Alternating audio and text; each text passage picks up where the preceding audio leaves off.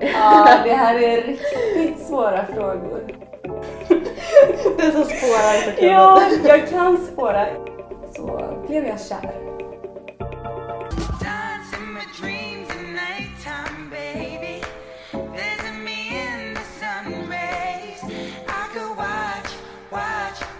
I.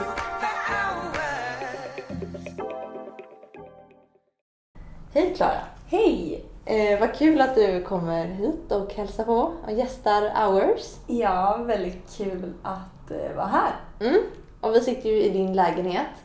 Ja. Väldigt fin, en studentlägenhet. Och eh, du är en eh, lyckosam student kan jag säga. Jag eh, känner mig som en lyckosam student. Ja, det är riktigt fint med trägolv och eh, lister i taket. Fina fönster. Ja. Det är verkligen härligt att sitta här. Eh, men jag tänkte att vi ska börja prata lite om dig som person. Mm. Eh, jag har lite frågor. Så vi kör på en gång. Eh, först bara vill jag veta hur gammal du är, för det har inte jag frågat. Jag är 23 år gammal. Mm. Så då är du 97? 97 exakt. Mm. Jag fick nästan tänka efter lite. Ja men det är alltid så. Jag trodde ju hela förra året också att jag var 23 år gammal. Så när jag fyllde 22 så sa jag till alla att jag fyllde 23. Så fick jag liksom förklara mig dagen efter typ, när jag hade insett att just det, det var 22 jag fyllde.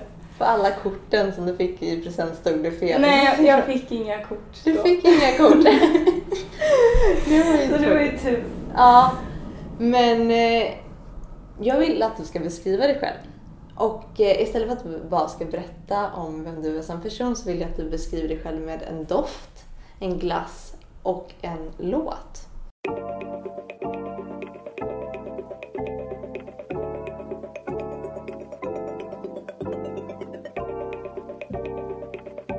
Jag, Okej, okej doft då.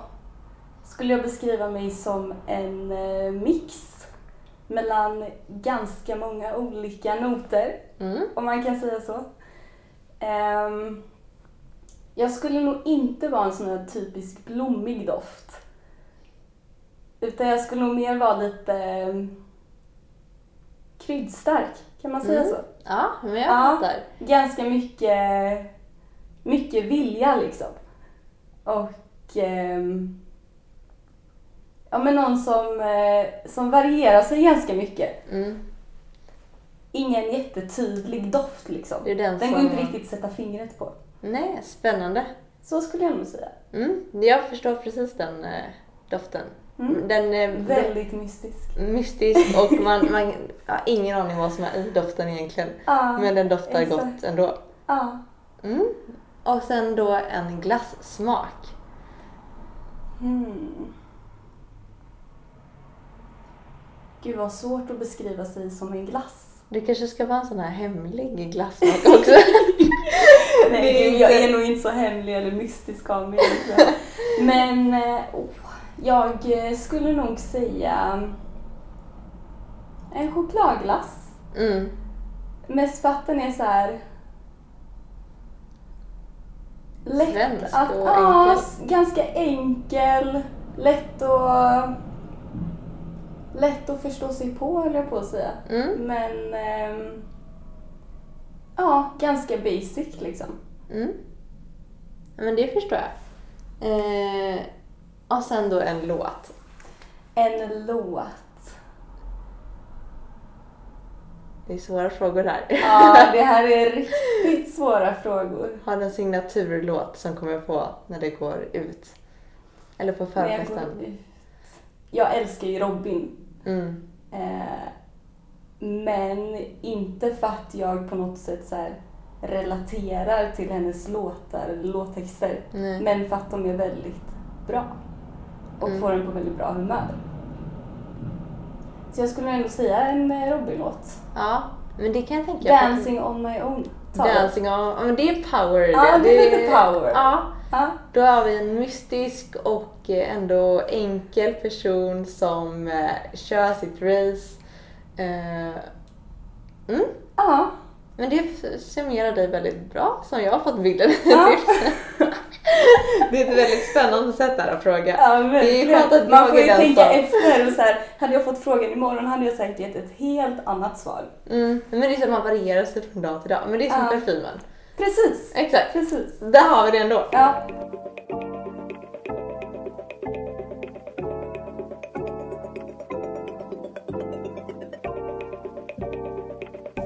Men för att vi ska lära känna dig lite ännu djupare så har jag fem snabba frågor. Ja. Mm, här klassiker. Då vill jag först höra din favoritstad. Okej, bortsett från eh, Göteborg då, Mm. som jag ändå får säga att jag gillar eftersom jag bor här. Mm. Eh, då skulle jag säga Shanghai. Shanghai. Ja. Vill du motivera det svaret? Ja, jag eh, bodde ju ett år i Shanghai förra året. Och eh, skulle inte säga att jag blev kär i stan direkt för att det var väldigt eh, annorlunda och väldigt eh, stor justering att anpassa sig till. Mm. Men när man väl kunde sätta fingret på stan och verkligen så här, kunde ta in allt som stan erbjöd så blev jag kär. Vad var det du blev mest kär i? Jag blev nog mest kär i öppenheten och att allting var så... um, Allt kändes så enkelt på något sätt. Mm. Också för att jag inte riktigt hade något syfte där på samma sätt som hemma. Utan det var mest någonting man kastade sig ut i. Något nytt? Så ja, något nytt och eh, inga liksom satta gränser för vad det här året skulle innebära för mig. Och eh, jag var nog väldigt öppensinnad när jag flyttade dit, Mm. vilket gjorde väldigt mycket. Du lät staden föra dig Ja, framåt. exakt. Och, mm, Jag lät staden föra mig framåt. Och ja, jag tror det mer har med liksom, upplevelser i den staden att göra Ja, än med staden i sig. för att det var, där fick du möjlighet att testa dig själv liksom på ett nytt eh, sätt och Ja. nya nivåer. Eh, men sen har jag också, är du en utekvällsperson eller en hemmakvällsperson? Eh, det varierar. Mm. Både och hade jag velat säga, men det ska man inte. Så jag säger nog ändå just nu en uteperson. Ja, är det för att det är den här eh, coronakrisen och man, man är abstinens. till att vara hemma?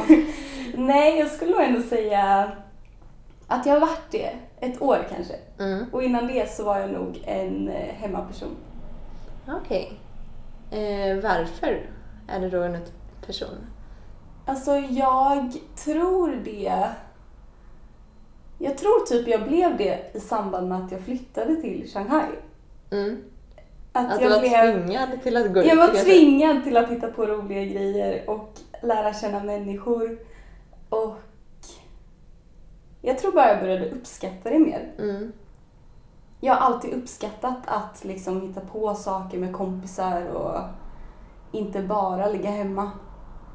Men eh, innan jag flyttade till Shanghai så bodde jag tillsammans med min kille och vi hade inte varit tillsammans så länge. Så då var det kanske naturligt också att eh, man prioriterade hemmakvällar mer än att gå ut. Det fanns inte så mycket annat att göra utan att träffa kompisar och det kunde man göra ändå kanske. Exakt. Men hur är det ute då? Ute så skulle jag säga att jag... Eh, jag tror att mina kompisar tycker att jag blir ganska galen. Den som spårar på Ja, jag kan spåra. Jag kan hålla mig sansad, men jag tror... Alltså mina vänner kan ju skratta åt mig Mm. när vi går ut. Och jag har väldigt roligt när jag går ut.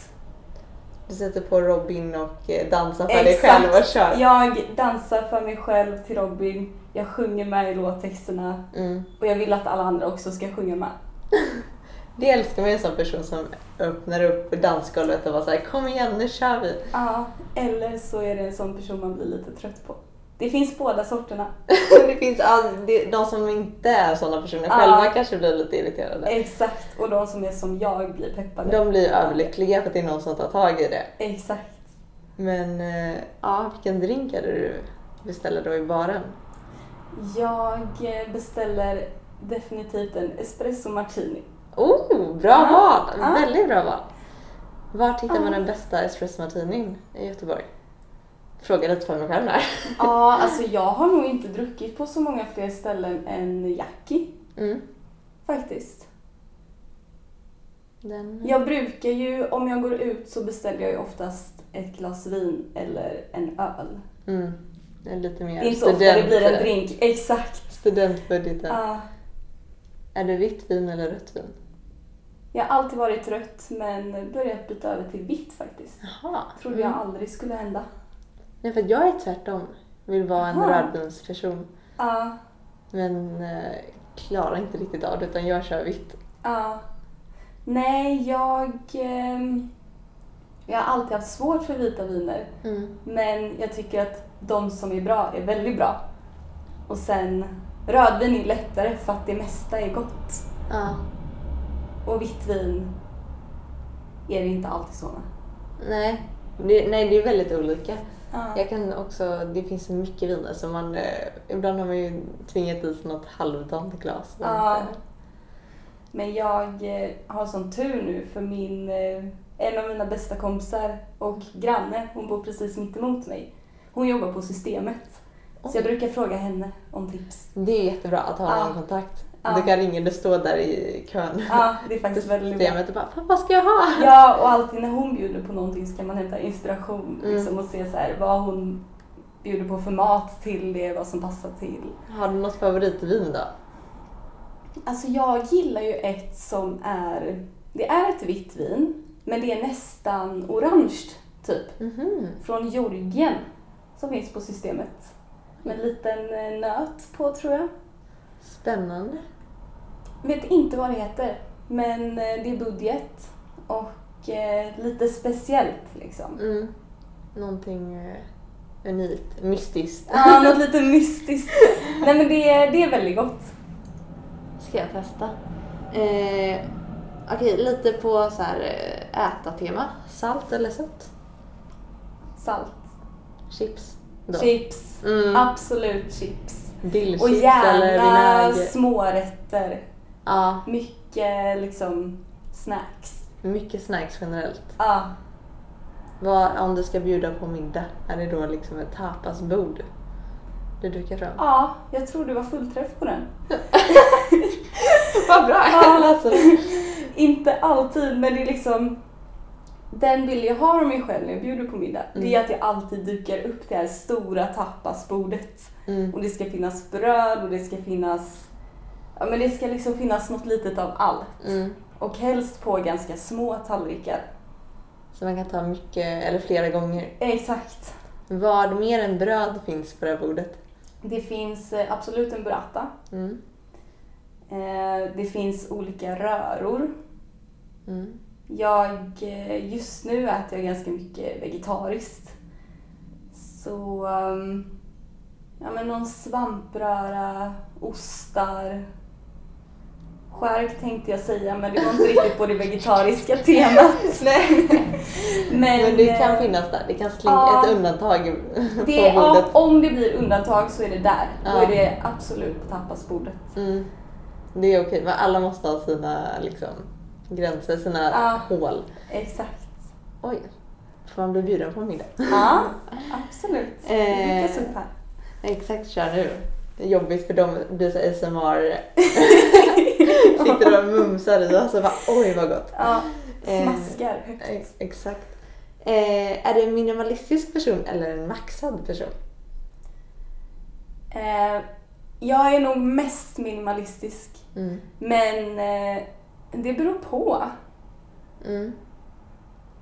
Jag visste ju inte riktigt vem det var innan jag kom hit. Så då Ja. kände jag att den här personen, eller det är en rätt enkel fråga. Men sen så nu sitter jag här och tittar och känner att du har ju en väldigt minimalistisk Ja. lägenhet. Men du har ju saker som spretar ut och ger ett intryck av kanske något, här, något annat än... Exakt. Jag tror att eh, väldigt många uppfattar mig som väldigt minimalistisk. Mm.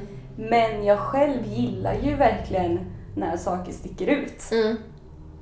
Och det är det som blir lite konstigt nästan. För att jag, jag själv hämtar nog mest inspiration från typ människor med stil som sticker ut. Mm. och som, ja, men som syns. Mm. Ja men det känns som att du tar, du är en minimalist men du hämtar dina detaljer och eh, det lilla hämtar du från max, den maxpersonen. Exakt. Men sen så är jag ju... ehm, Alltså jag gillar inte när det är så mycket grejer. Nej. Då har jag det hellre ganska tomt. Lite mer... Ja, men jag är nog definitionen av ett organiserat kaos. Mm. Bra ordval. Ja, jag tror det för att... Som sagt, jag har ju inte mycket grejer framme, men öppnar man mina skåp och lådor, jag kan visa sen, eh, då ser man något helt annat. Ja, då är det liksom, där gömmer du allt. Ja, i min besticklåda så har jag inga liksom, fack för knivar och gafflar och sånt, utan allt är ju i en och samma låda. Ja. Organiserat kaos. Ja, Ja, det är ju lite... Nu fortsätter jag bara på det här med mystiska, men det är väl lite... det kommer ta över hela podden.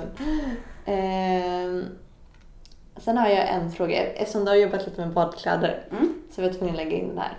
Du får välja att bära underkläder i resten av ditt liv eller en baddräkt. Vad väljer du? Du får såklart ha kläder över, men du är antingen eller då.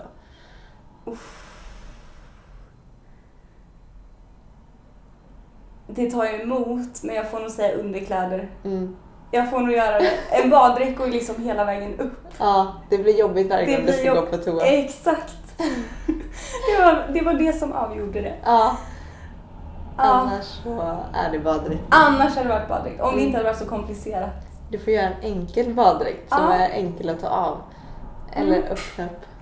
En sån här eh, body Mm. med knappar under till. Det blir nästa. Om det är så att du måste stå inför det här valet, då tillverkar den så. Exakt, då hade jag gjort en sån ja. Ja. Garanterat. Eh, Okej, men då är vi inne lite på företag. Ja.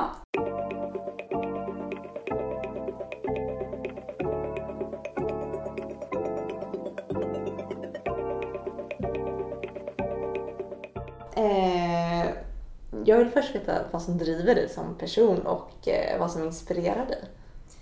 Eh, ja. Alltså jag har funderat på det så många gånger, så här, vad som driver en Mm. till allt man gör. Men jag tror verkligen att min drivkraft är jag själv.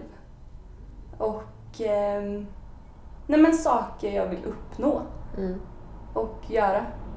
För min egen skull. Men eh, har du någon inspirationskälla eller någon person som du eh, direkt är Så jag, inspirerad har, av? jag har aldrig haft någon så specifik person som jag verkligen har sett upp till. Nej. Sen så såklart jag inspireras jag av alla runt omkring mig, kompisar, familj, Mm. så personer jag följer på Instagram, bara en sån sak. Men så jag, jag tror jag inspireras av liksom det mesta runt omkring mig. Mm. Men det tror jag att du, du nämnde ju det här med att du blir väldigt eh, påverkad av miljön eh, Ja. innan till mig. Och eh, det kanske är väl så att du blir påverkad av alla runt om dig jämt och Ja, hittar inspiration. Kanske fast du inte är medveten om det. ja, Det kan nog vara väldigt det kan nog vara så. Ja. Eh, men du har ju Blek, som jag lärt mig att det heter. Det här Mm. baddräktsföretaget startade du. Precis. Eh, hur kom det sig att du startade detta? Alltså, Blek skulle jag säga startade verkligen som ett passionerat sidoprojekt. Mm. Så jag startade verkligen ur passion. Jag gjorde det för att det var någonting jag tyckte var kul. Jag eh, blev inspirerad av att djupdyka ner i modevärlden. Mm. Och, men jag kände egentligen att jag ville göra någonting kreativt. Och vid den tiden när jag startade Blek, som jag sa till dig innan, Mm. så hade jag precis börjat plugga på Chalmers och kände att den här kreativa biten i min vardag verkligen inte fanns där. Jag tyckte inte vardagen var särskilt spännande överhuvudtaget. Och ehm, ja, ville bara göra någonting kul. Mm. Någonting nytt liksom. Ja, något fick- nytt, någonting som, ja, men som inspirerade mig. Mm. Man, ser ju det på företag att det är passion i det och att det Ja, Att det, liksom, det skapades av din Ja. liksom, drivkraft. Ja, Mm. och ehm, ja, men jag tror så här, när jag började med det så blev det mer och mer att typ, ju mer jag höll på med det desto mer inspirerad kände jag mig för att ju mer man jobbade med det och liksom gjorde research, började Mm. designa, desto mer tog man till sig liksom. Mm. Och eh, ja, det blev bara roligare och roligare. Ja. Och eh, vad fick du för respons då när du startade? Alltså från början så var, så var ju responsen mest såhär, jaha, vad, vad konstigt. Ska du starta det här? För jag du har läser ju ju på inte... Chalmers. Ja, precis. Jag pluggar till ingenjör och eh, har liksom aldrig jobbat med mode innan. Och eh, jag tror det var många som inte ens visste att jag hade det intresset Mm. om jag ska vara ärlig. Så responsen från början var mest, men folk var förvånade typ i min närhet. Men eh, ändå väldigt stöttande. Vilket jag är väldigt glad för så här i efterhand. Det var så många kompisar som verkligen ja, men pushade och tyckte att det var en bra grej. Och förstod att jag gjorde det för min egen skull, för att det var någonting jag tyckte Mm. var kul och jag ville att det skulle gå bra. Sidan av dig själv också. Ja, exakt. Mm. Eh, och sen när vi väl... Det var ju en ganska lång process innan vi väl var igång på riktigt. Så det var en lång process att först liksom ja, men bestämma oss för vad vi, vad vi ville att det skulle vara för typ av varumärke.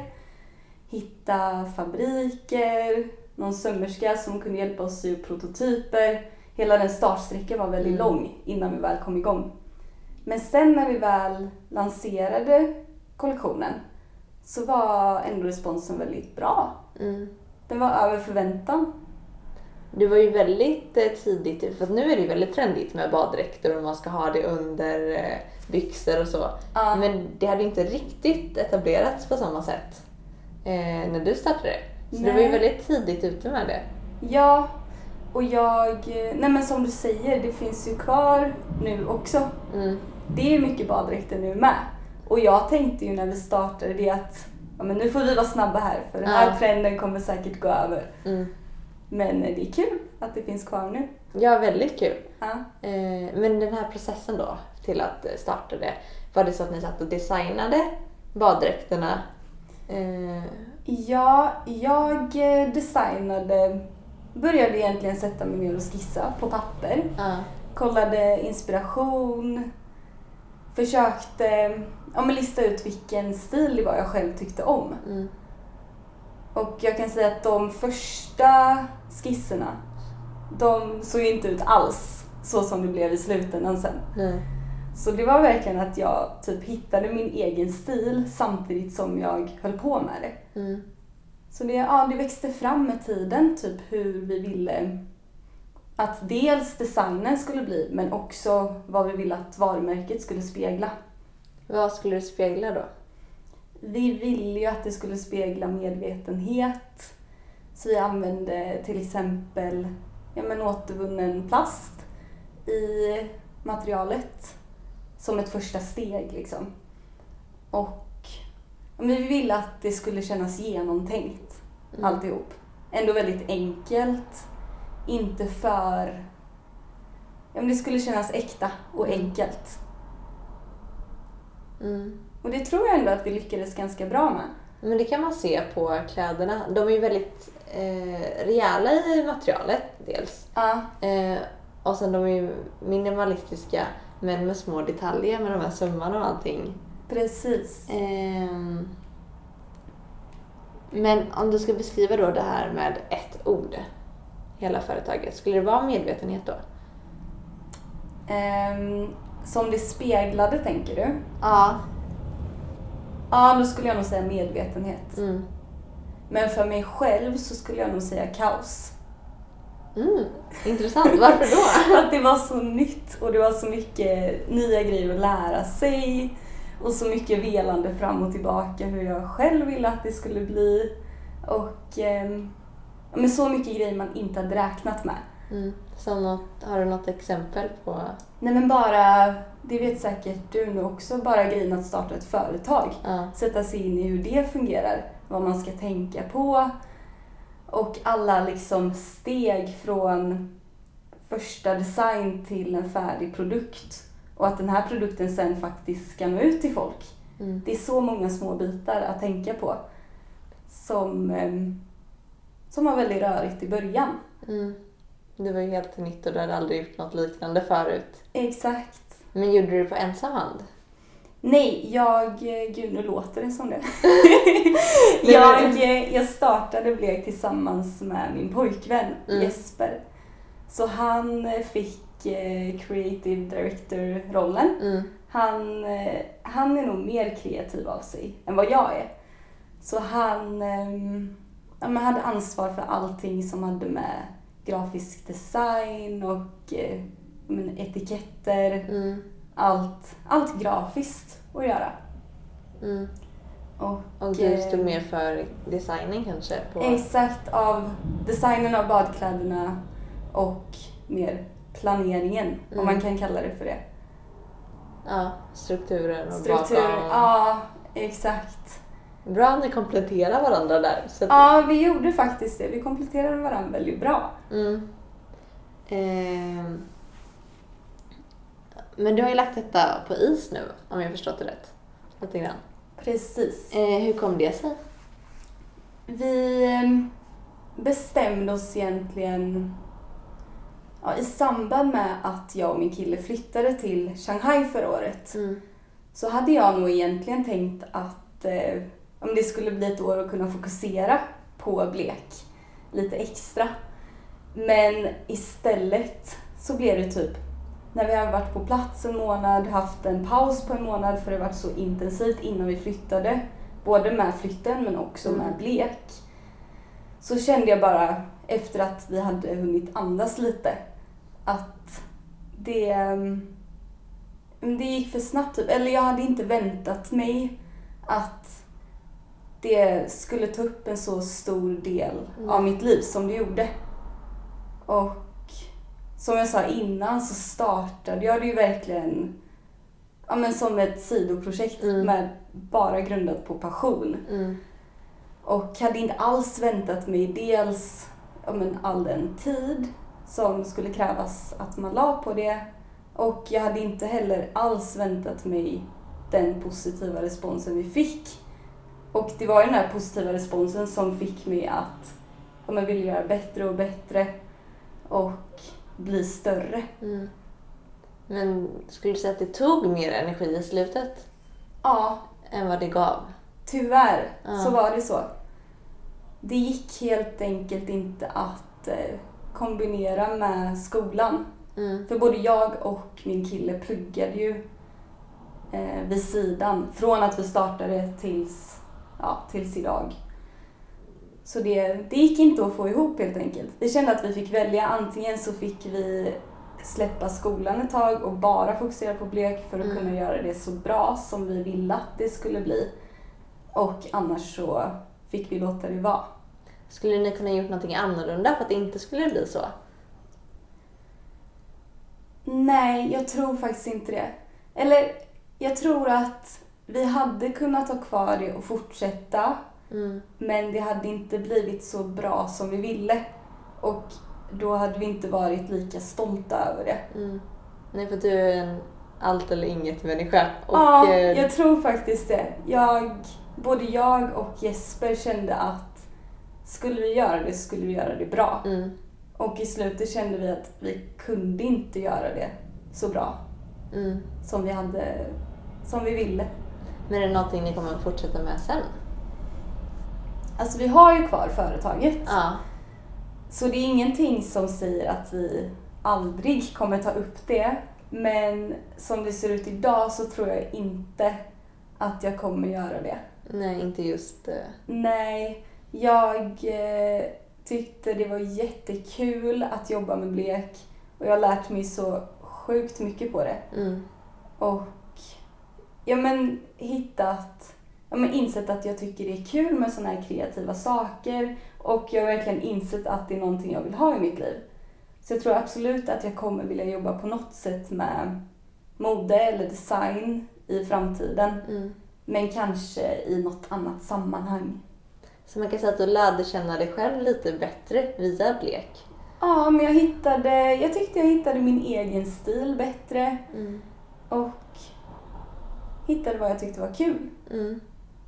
Och sen blev det här som var så kul tyvärr någonting som tog mer energi i Mm. slutet än vad det Det gav. blev för stort. Ja.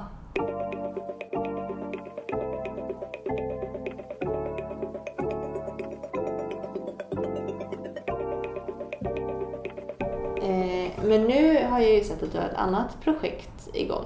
Att du är en av skaparna till det här CWA. Ja. Säger man CWA? Eh, jag säga. Men det är ju ett W så Ja. det är inte fel. Nej, eh, det låter väldigt spännande. Så vill du berätta lite om det också? Ja, eh, det står ju för Chalmers Women's Association. Mm. Så det är helt enkelt en eh, förening för eh, tjejer och icke-binära som jag och två andra tjejer startade på Chalmers vid årsskiftet. Och syftet med, med den föreningen, eller med CVA, är helt enkelt att öka jämställdheten i teknikbranschen Mm. och även på Chalmers. För det är en så... Det är fortfarande väldigt, väldigt mansdominerat och det finns otroligt mycket fördomar Mm. mot kvinnor som jobbar inom teknik. Och om man bara kollar på liksom, antalet kvinnliga föreläsare jag har haft sedan jag började plugga på Chalmers så är det otroligt få jämfört med alla män. Mm. Och sen så är det inte, det är inte så många tjejer heller som pluggar på Chalmers. Så vi ville egentligen skapa ett nätverk för tjejer. Vad gör ni då för att liksom förbättra detta eller stödja? Ja, vi... ehm, Det tråkiga nu då är ju att eh, precis när vi hade kommit igång, eller skulle komma igång, så Mm. hände allt det här med Corona. Typiskt. Så ja, vårt, vi skulle hållit vårt eh, första event eh, som var då för tjejer och icke-binära på skolan på Barry's bootcamp. Så vi skulle ha ett bootcamp där vi samlade alla tjejer och eh, ja, men gjorde något kul tillsammans för att eh, stärka sammanhållningen Mm. på skolan. Ehm, Så det var vår första som vi hade tänkt. Men sen så har vi tänkt ha fokus på, liksom, vi har tre grundpelare kan man säga. Där det första är gemenskap, den andra är näringsliv och sen den tredje är akademin. Mm. Så vi vill liksom främja jämställdheten Mm. inom de här tre områdena. Är det bara på Chalmers eller är det i hela Sverige? Föreningen är på Chalmers, men eh, alla studenter i Göteborg kan bli medlemmar. Mm. Men eh, sen hoppas vi kunna att det här är ett första steg för att sen faktiskt påverka teknikbranschen i stort. Ja. Men det tror jag att det är bara man, någon startar upp något sånt där och folk hör om det. Det Ja, väcker ju tanken hos människor så det kan du säkert påverka även om inte ni själva direkt gör någonting. ja, Eh, det är vår förhoppning i alla fall. ja, för jag vet du har ju gjort mycket eget eh, och är driven liksom ung kvinna. Eh, har du märkt någonting, eh, något motstånd i branschen? Alltså jag har ju, med tanke på att jag inte har jobbat inom teknikbranschen än, Nej. så har jag inte gjort det. Däremot så har jag pratat med många kvinnor som är lite äldre än jag och som har mer erfarenheter Mm. som har berättat om sina upplevelser och det motståndet som de har mött. Och att man väldigt ofta blir ifrågasatt som kvinna på ett annat sätt än om man är man. Och just det här att man ska verka så, så seriös Mm. men ändå inte uppfattas som bossig.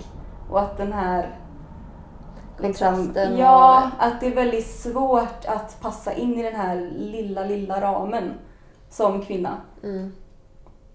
Men sen har jag ju absolut mött på... Det är många som ja, men, blir lite förvånade typ när jag säger att jag pluggar någonting som har med teknik att göra. Mm. För det är inte, fortfarande inte så många tjejer som gör det. Även fast det blir fler och fler. Mm. Och bara den reaktionen är ju någonting som Ja. kanske är...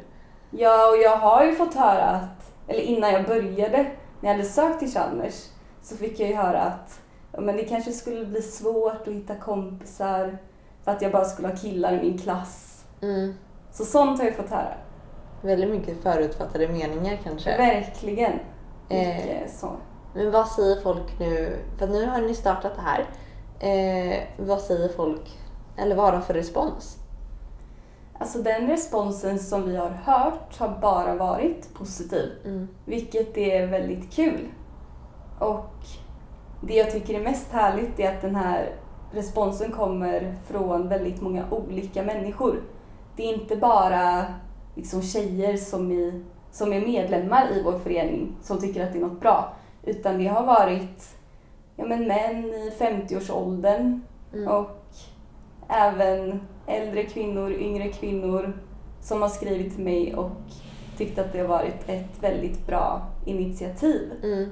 Något som behövs. Ja, och ja, men det känns som att många tycker det är positivt att det uppmärksammas Mm. och att många faktiskt vill ha en förändring. Men det som eh, baddräktsmärket Blek, det stod ju för medvetenhet. Mm. Och jag kan nästan se att detta är lite liknande, att det finns en medvetenhetstanke här också. Att det bygger lite på de tankarna att man ska se på samhället och reflektera över det och göra- skapa en förändring. Ja, det, det kan nog absolut ha en koppling. Ja. Jag, eh, jag vet inte om det är så, men det, Alltså, kän- det undermedvetet. känns som ja, undermedvetet. Nej men jag vill nog att eh, men sånt som jag gör inte ska ha någon negativ påverkan i alla fall. Mm. Sen kanske inte behöver göra jättestor skillnad allt jag gör, men jag vill inte bidra till någonting negativt. Nej. Det är nog mest så jag känner. Mm. Hur bidrar man till något positivt då? Har du någon eh, i vardagen, tänker jag, enkelt? Eh, I vardagen så handlar det väldigt mycket om att vara positiv. Mm. om att ehm, våga säga ifrån, sätta sina egna gränser, Mm. skulle jag nog säga.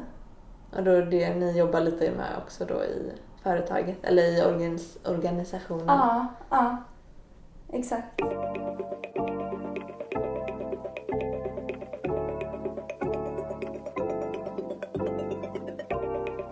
Men jag vill veta lite om eh, framtiden också. Mm. För att nu har du ju både hunnit starta företag, du pluggar och eh, du har det här CVA. Inte CWA utan CVA. ja, nu lät det Eh, bättre. Men vad har du för planer härnäst?